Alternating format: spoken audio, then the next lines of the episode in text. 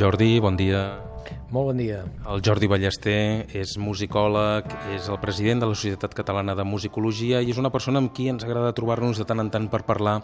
d'iconografia musical, parlar d'instruments i la seva representació artística. Avui, Jordi, volíem parlar amb tu sobretot de quin lloc ocupen aquestes representacions artístiques a casa nostra al llarg de la història. És a dir, a Catalunya trobaríem bons exemples d'iconografia musical?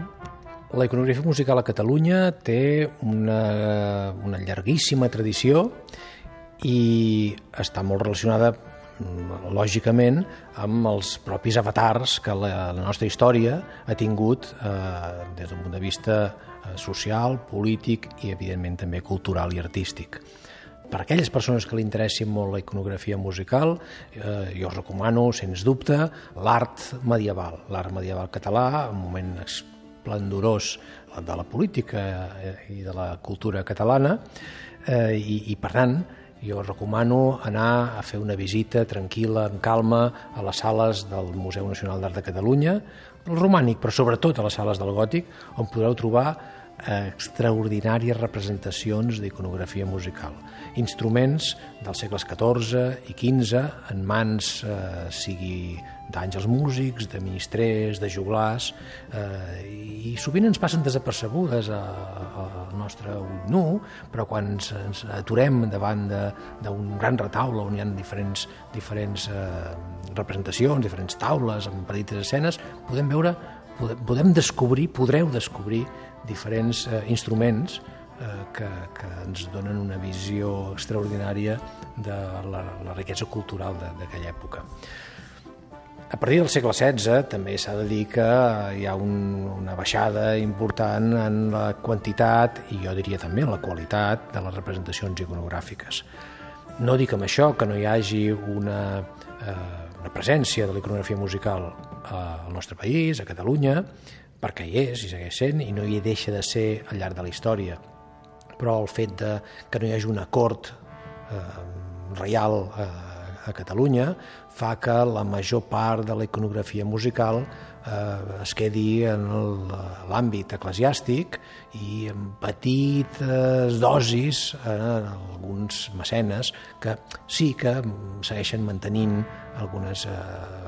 imatges eh, d'iconografia musical o, o burgesos que tenen a casa seva eh, imatges, imatges d'iconografia musical, però sovint amb caràcter devocional. Per tant, també són escenes eh, de tipus religiós les que majoritàriament trobem a la Catalunya del segle XVI i XVII.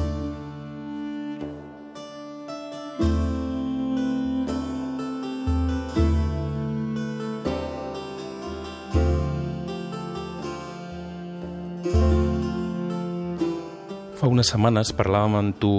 de la reconstrucció d'instruments a partir d'iconografia musical i ens posaves l'exemple del Pòrtico de la Glòria de la Catedral de Santiago de Compostela. A Catalunya trobaríem algun monument o alguna història comparable a aquesta?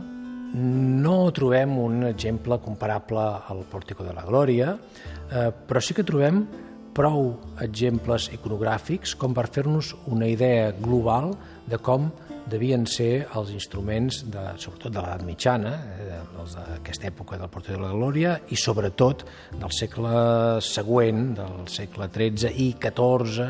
i encara m'atreviria a dir el XV, eh, que és probablement aquests, aquests moments més, més àlgids on trobem les representacions eh, d'iconografia musical. De fet, moltes de les representacions que podem veure al, al MANAC, al Museu Nacional d'Art de Catalunya, podrien, de fet poden, ser eh, bons punts de partida per eventuals reconstruccions d'instruments, o almenys per fer estudis, i de fet s'han fet estudis en profunditat del tipus d'instruments que estaven de moda a l'època eh, i de quines formes i quines maneres de tocar tenien.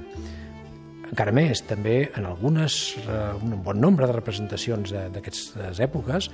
la iconografia ens permet situar ubicar els músics en el context en el que tocaven i quina relació establien amb, amb, el, amb el públic, eh? sobretot en els ambients cortesans. Hi ha representacions molt interessants que us recomanaria, que són les representacions d'un sant eh, molt, molt, molt popular a Catalunya, que és Sant Joan, Sant Joan Baptista. Sant Joan Baptista està molt relacionat, com sabeu, la seva història amb, amb la eh, narració de, eh, de la història d'Herodes i, i Salomé. De fet, els propis textos evangèlics ens expliquen com Salomé balla davant d'Herodes mm, i d'aquest ball, que implica música per tant, aconsegueix que Herodes li eh, digui, eh, doncs, demana'm el que vulguis, que serà teu, i ella li demana, instigada per la seva mare, per Herodies, li demana el cap de Sant Joan Baptista. Bé, doncs moltes representacions de, de, del segle XIV i segle XV, a Europa en general, però a Catalunya en particular, ens mostren escenes de, de banquets, de banquets cortesans, de banquets en què hi ha el rei Herodes, la, i Herodies i, i, i Salomé ballant, o bé Salomé portant el cap del Baptista, de Sant Joan Baptista, a la taula del banquet. I normalment en aquestes escenes, que són escenes de banquets cortesans, ens mostren, es poden veure diversos músics tocant instruments.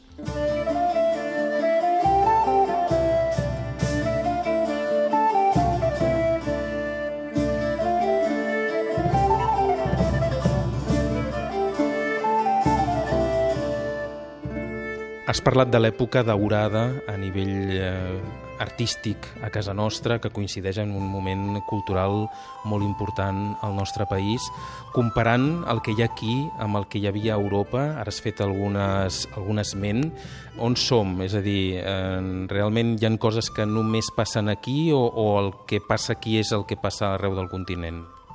A l'art del segle XV hi ha comença a haver una, als 14 i 15 una certa internacionalització del fenomen artístic eh, i per tant hi ha diferents creuaments d'influències, eh, influències artístiques. Eh, de fet, la primer, finals del segle XIV, primera mirat del XV, la influència italiana a casa nostra és molt important i per tant podem trobar alguns models italianitzants d'instruments musicals que eh, són els que trobem presents eh, aquí a casa nostra. A partir de, del segon quart del segle XV, la influència eh, francesa eh, i dels Països Baixos, fins i tot germànica, és més potent i per tant trobem eh, no tant eh, una influència italiana, que ja seria la renaixentista, sinó una influència, una influència borgonyona, francesa, eh, en els models també d'instruments musicals. De fet, això concorda força, està molt d'acord amb el que succeeix també eh, amb els músics que mm, visitaven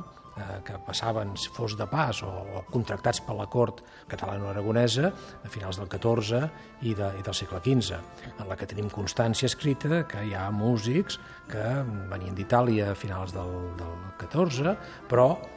sobretot ja a principi del XV, músics que viatgen i que venen i van de, de les corts eh. I, I la iconografia reflecteix també aquestes tendències.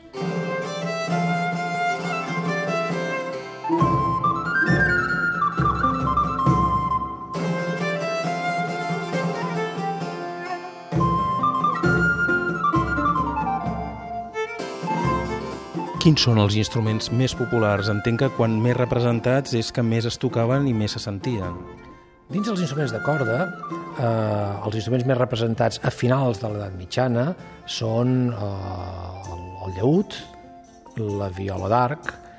i l'arpa i el saltiri en tercera i quarta posició. Això també varia en el temps, perquè les pròpies modes cortesanes fan que hi hagi instruments que tinguin més eh, predilecció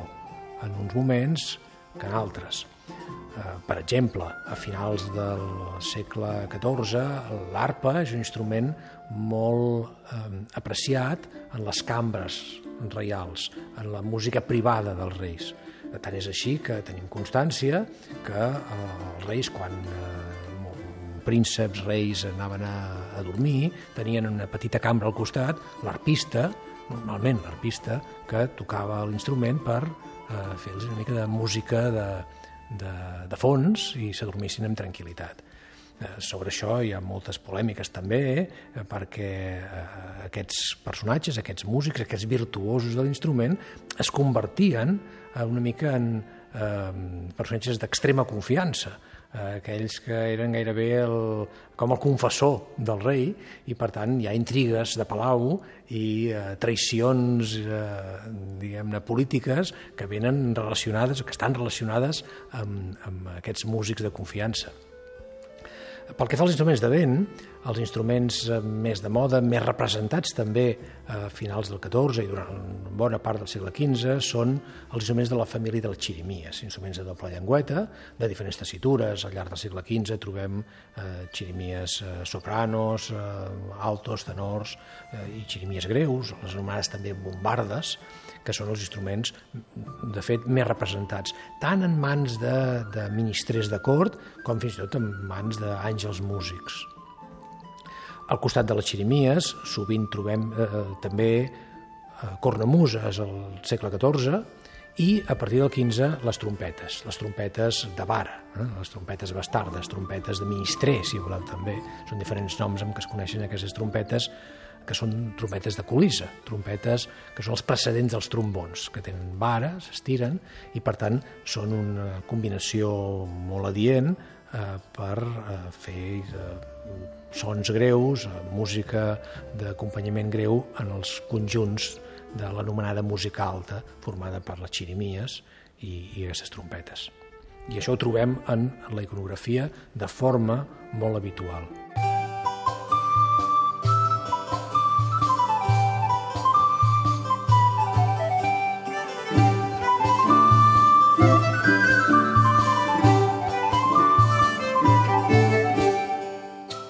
Tots aquests instruments que ara comentaves, estem parlant de l'àmbit religiós o del cortesà o dels dos? En aquest període, segle XIV i XV, aquest, aquest període àlgid de la cultura catalana, l'art i la música,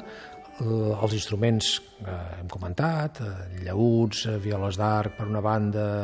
arpes, saltiris i instruments tipus eh, de la família de xirimies, trompetes, cornamuses a finals del segle XIV, són instruments que trobem tant en l'àmbit religiós com en eh, l'àmbit eh, profà, l'àmbit cortesà. Eh, també una mica va per barris, eh? perquè hem d'entendre que les cornamuses a partir de finals del XIV van abandonant una mica el terreny cortesà i el comencem a trobar cada vegada més en mans de pastors. Per ha una certa tendència a popularitzar